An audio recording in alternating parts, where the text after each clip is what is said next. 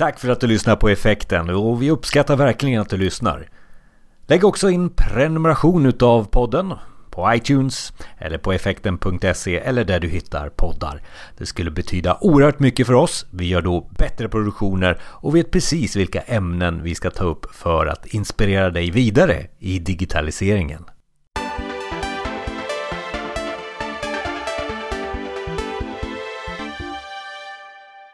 Effekten eh, hamnar på ett ämne idag som är väldigt, väldigt aktuellt. Det finns i stort sett överallt i nyhetsflödet just nu. Artificiell intelligens eller AI. Eh, jag tog chansen att eh, ta med mig Essie Dalin i Skype här. Hej Essie! Hej Jonas! Jo Essie, vad är då AI för dig? Så vi, vi benar ut det först.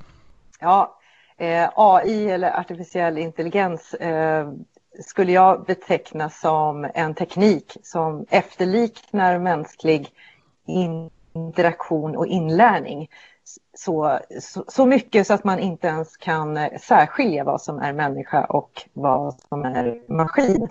Det är inget nytt påfund, det är, det är inte ens ett nytt begrepp redan på 50-talet så Alan Turing, om du känner till honom, han eh, tog fram en, ett test som man fortfarande idag använder som man skulle titta på eh, och jämföra med om en, en användare gör samma interaktion med robotar eh, och versus människor, märker man någon skillnad? Och om maskinen klarade sig lika bra som människan, då, då ansåg man att då hade man uppnått artificiell intelligens. Eh, och på den tiden så handlade det mycket om att eh, de kognitiva, eller vad ska jag säga, de, eh, de kreativa förmågorna som man inte trodde att eh, maskinen kunde uppnå. Och det är att skapa musik eller att måla eller skapa poesi och så vidare.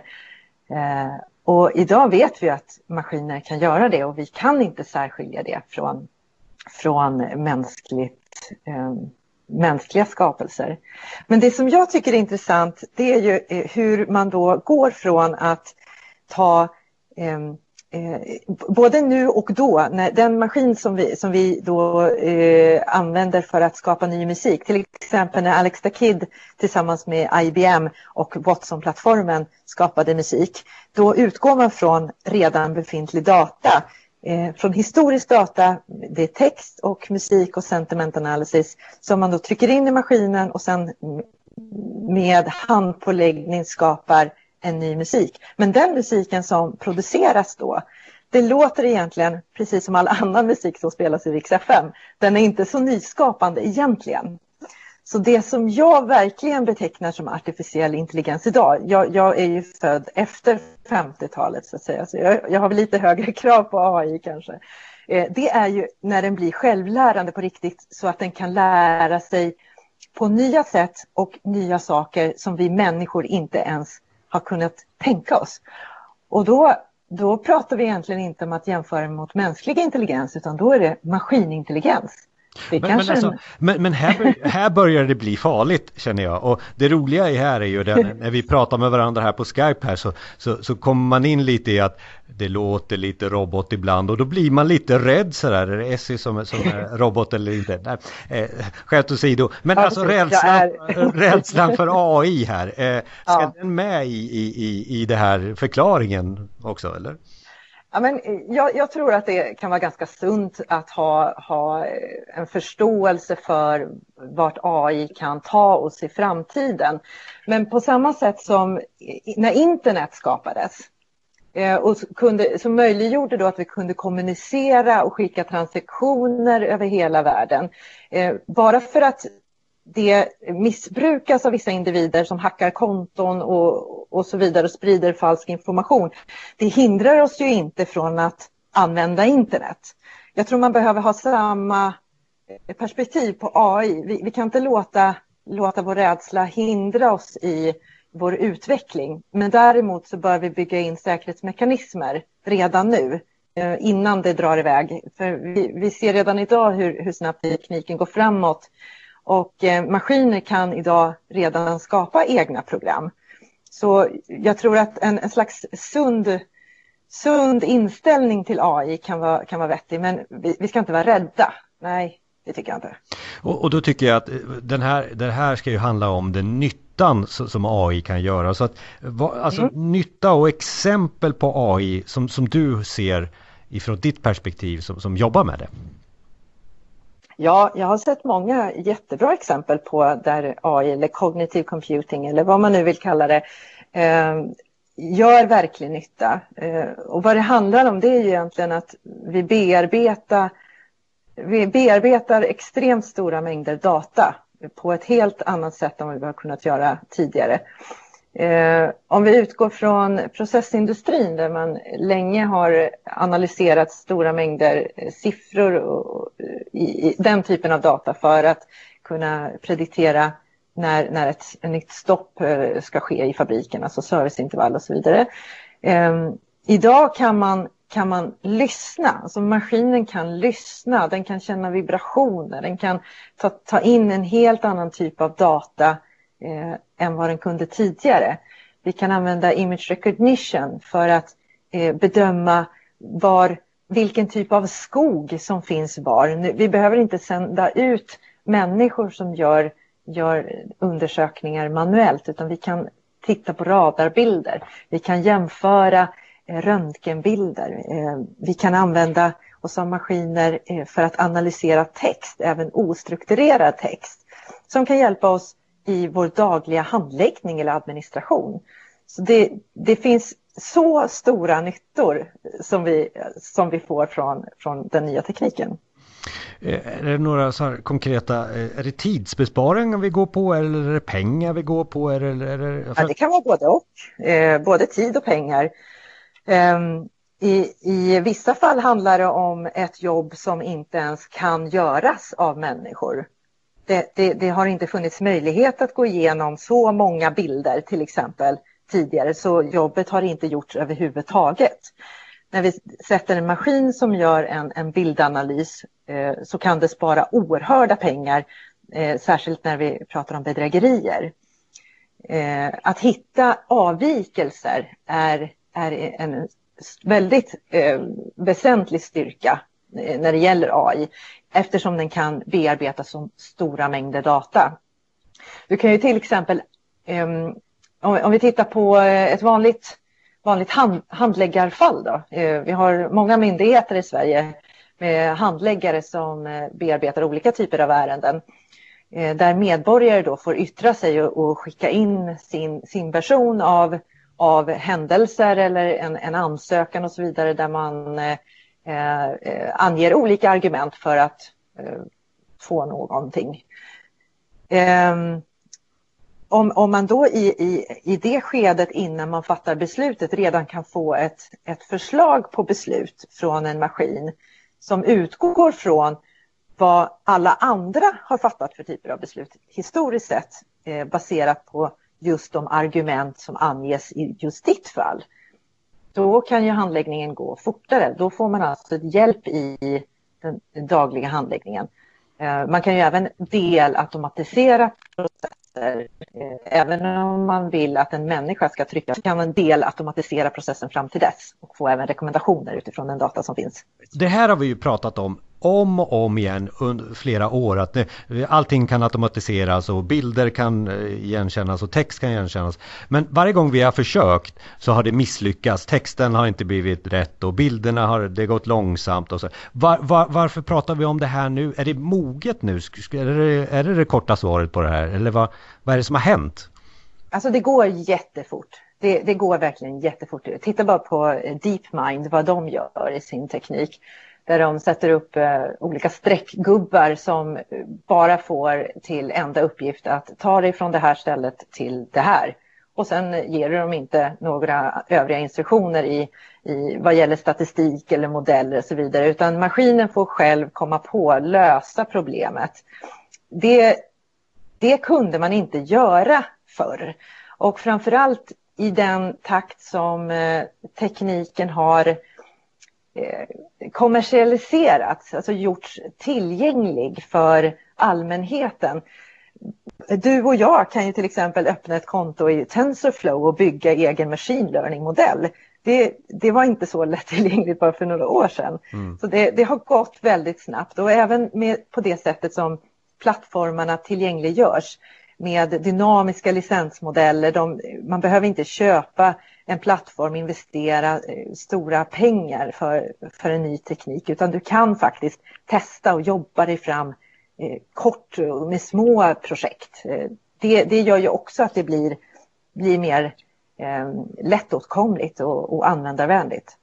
Så det, det, är snabbt, det är moget och eh, det, det, det, är lättillgängligt. Det, det är vad svaret är på egentligen. Eh, nu är det redo. Ja, alltså jag skulle säga att tekniken, är, om, om, man eh, bortser från de mer vad ska man säga, avancerade forskningsprojekten inom området så är tekniken så pass lättillgänglig att du kan hoppa över steg i din egen utveckling. Du behöver inte gå ta alla de små stegen från BI till AI till exempel, utan du kan hoppa över flera steg på grund av tekniken idag. Eh, och, och, det gör att du kan snabbare komma framåt. Eh, det, det, behöver inte ta tio år tills du är där. Utan, och det är väl det som jag möter ofta hos, hos mina kunder, att de de, de, när de ser de eh, tillämpningarna av, av AI som, som sker på, på många håll i världen idag och så tittar de på sin egen organisation och så suckar de och säger att ja, men det, där, det där händer inte för oss, vi är, vi är ju bara här, vi är långt bakom i utvecklingen. Eh, men även om man är långt bakom i utvecklingen idag så behöver man inte stanna där och man behöver inte ta alla små steg för att komma längst fram i utvecklingen heller. Utan det, man kan ta stora kliv.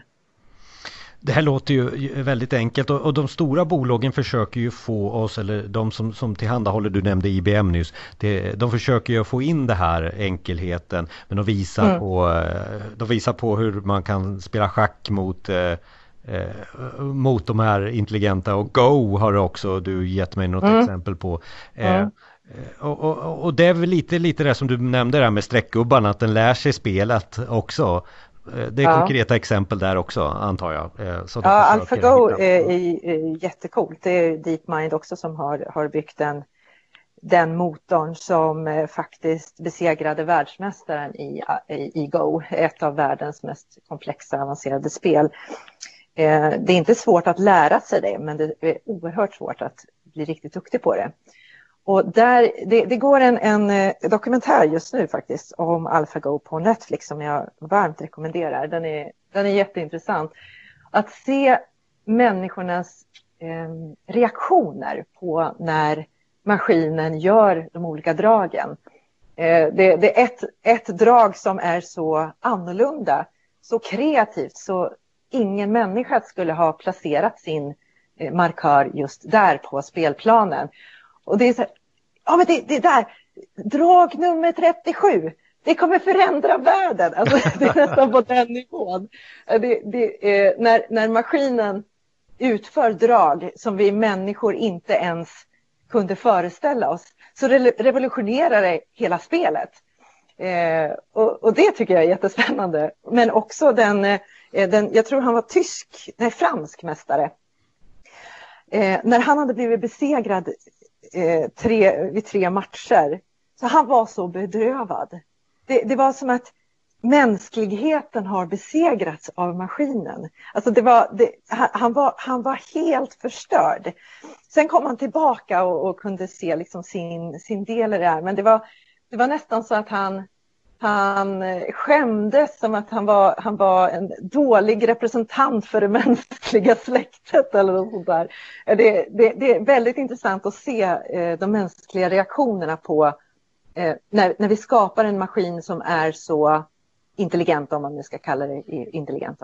Och där kanske också då våran oro och farligt och det här ja, kommer, kommer in i, i bilden eh, förstås. Då. Så det blir djupt filosofiskt ganska snabbt. Mm. Men, men eh, om vi tar det åt sidan lite och så, säger, så ställer vi frågan okej okay, eh, Essie, när jag lyssnar på dig, jag fattar eh, hur ska jag få in det här då i, i min organisation? Det, hur ska jag, vart börjar jag någonstans? Eh, har du checklistan? Eller ska man säga så? du gillar checklistor Jonas. du gillar checklistor. Nej, men jag skulle säga så här, det beror, det beror givetvis på hur organisationen ser ut och det är väl också ett standardsvar. Men har man en väldigt välutvecklad och, ehm, och en, en organisation som under en lång tid har jobbat iterativt, väldigt framåtlutat med olika tekniker och så vidare, då har man säkert en, en BI-avdelning som nu inte ens är en BI-avdelning utan man har jobbat med Advanced Analytics under en lång tid som ser AI och implementationen av det som ett naturligt steg. Ja, men då finns det ingen anledning att börja någon i någon separat del av organisationen. AI måste man komma ihåg, det, är, det kommer genomsyra all verksamhet. Så det kan man inte stoppa ner, alltså om man tittar på längre sikt, det kan man inte stoppa ner som ett eget litet spår på IT. Utan det här, här behöver man ju titta på som HR-direktör. Hur, hur kommer AI påverka HR och hur kan jag på bästa sätt använda det för, för, mitt, för min verksamhet inom HR? HR-spåret. Eh, på samma sätt in, inom ekonomi, alltså financial och titta på pre prediktiva analyser inom, inom eh, eh budgetering till exempel. Eh, så det, varje, varje verksamhetsområde kommer ha sin beskärda del av AI inom sig. Men innan vi kommer dit eh, och om man nu inte har en så eh, tekniskt mogen organisation Eh, så skulle jag rekommendera att man sätter upp en egen, en egen liten organisation, eh, bara ett team egentligen, som, som eh, testar den här tekniken. För man lär sig väldigt mycket bara av att testa. Jag satte upp ett team här nu efter nyår som på två veckor skapade en, en röststyrd chatbot med en spegel som ett interface. Och bara de, de personerna som var involverade i det arbetet hade aldrig kommit i kontakt med den alltså kognitiva tekniken tidigare. Men de lär sig så oerhört fort. Och de personerna de tar med sig den erfarenheten ut till kunderna sen. Och det är samma sak med, med menar, kundernas egna organisationer. Om man bara sätter den här tekniken i händerna på dem på innovativa, kreativa, viljestarka och drivande människor, då kommer de själva utvecklas och lära sig massor på vägen. Ehm, och det som är så roligt är att man på, på väldigt kort tid faktiskt kan åstadkomma väldigt stora nyttor. Ehm, allt från bildigenkänning och kunna upp, upptäcka bedrägerier som man tidigare inte överhuvudtaget har kunnat hantera till, till den typen av, av textanalys eh, för handläggning etc. Som, som jag var inne på tidigare. Så det, det, man kan göra lite, men, men börja inte med de här stora forskningsprojekten och med 10 miljoners budget och nu ska vi förändra världen här. Utan det börja litet, små explorativa projekt eh, med ett starkt ägarskap från verksamheten också. Det måste jag trycka på. Eh, ska du bygga en datamodell som ska fatta beslut eller ge, ge råd, eh, rekommendationer till, till verksamheten då måste givetvis de personerna som sitter där, oavsett om de är handläggare eller, eller maskinoperatörer eller vad det kan vara för någon, de måste vara djupt involverade i byggandet men även på skruvandet av den datamodellen framgent. När den, den, eh, när den börjar skruva, liksom skruva på sig utifrån ny data så behöver den ju rättas till, alltså själva modellen. Så det, det, det, behövs ett starkt ägarskap och in, en involvering av, av verksamheten. Den här ja, du kan inte börja med några streckgubbar egentligen i, i kanske organisationen. Nej, eller, nej, nej, precis. Och det här är inte ett verktyg heller som du bara stoppar in och nu har vi nej. AI utan du måste, nej, du måste tänka till lite vad är det för några processer vi ska stödja. Om det inte är några enkla processer så kanske du kan börja med någon pilot vid sidan om. Du nämnde till exempel chatbot kan vara enkelt kanske för vissa organisationer, för vissa andra inte. Men, men där kan det vara någonting som hjälper dig i kundtjänst eller hjälper dig med support på olika håll. Och den, den kan ju senare då bli en snöbollseffekt och, och eh, sen successivt komma på nya saker inom organisationen för att skapa den här intelligensen. Ja, men tänk på det också när du säger chattbot då, att eh, chattbotten är inte smart per automatik. En chattbot är bara en kommunikationskanal, precis som en app eller en telefon eller en webbsida Så du kan ju bygga en, en, en kognitiv plattform som du kopplar på all, mot alla de kommunikationskanalerna. Så om du ringer in till kundtjänst, alltså rent manuellt så att säga, du ringer och pratar med kundtjänst, så kan maskinen transkribera ditt tal, alltså hela samtalet transkriberas till text och utför analys på den, på det samtalet. Så oavsett om du ringer in, om du skriver in på mail, om du chattar, eh, vad du än gör, så samlas den eh, informationen på samma ställe. Istället för att isolera den i en chattbot och tro att den, det är där den hör hemma. Det, det, det, det, det är olika saker, det är på olika nivåer vi pratar om. Precis, det, chatbot kanske skulle liknas vid ett verktyg då men, men det ja. som är där som är bakom det är det som är själva intelligensen. Yes. Eh, så här, det finns ju massor att prata om och det här är framtiden för många utav våra verksamheter och organisationer. Eh, men så här på, på slutet här, är det någonting du vill tillägga här Essie på, på, på hela AI-biten och nyttan runt omkring den? Ja, jag skulle säga att den det vi står inför nu, det är en revolution inom tekniken. Eh, vi pratar om den digitala revolutionen. Och all andra teknik, jag menar, IoT, eh, blockchain, det finns så mycket som händer nu. Men, men AI, vad, vad man gör med, med hjälp av information, eh, för, för det är också viktigt att poängtera, det, det är ju från, du måste ju ha information för att kunna skapa ett värde genom AI. Ehm, så du kommer ju inte från arbetet med att kvalitetssäkra data och så vidare. Det, det kan du inte gömma dig bakom att, eh, att AI ska sköta själv. Utan, ehm, det, det, är en viktig, det är en viktig eh, läxa. Eh. Det finns ju förstås väldigt mycket mer att prata om och vi kommer upp lägga lite länkar på det du har pratat om Essie här. Kontakt till dig också förstås på effekten.se.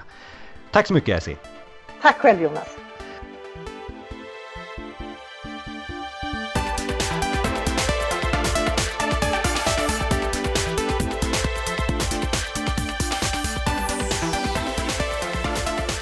Tack för att du lyssnade! Fler avsnitt finns på effekten.se. Och vi vill höra från dig. Frågor och synpunkter? Maila oss på info effekten.se info effekten.se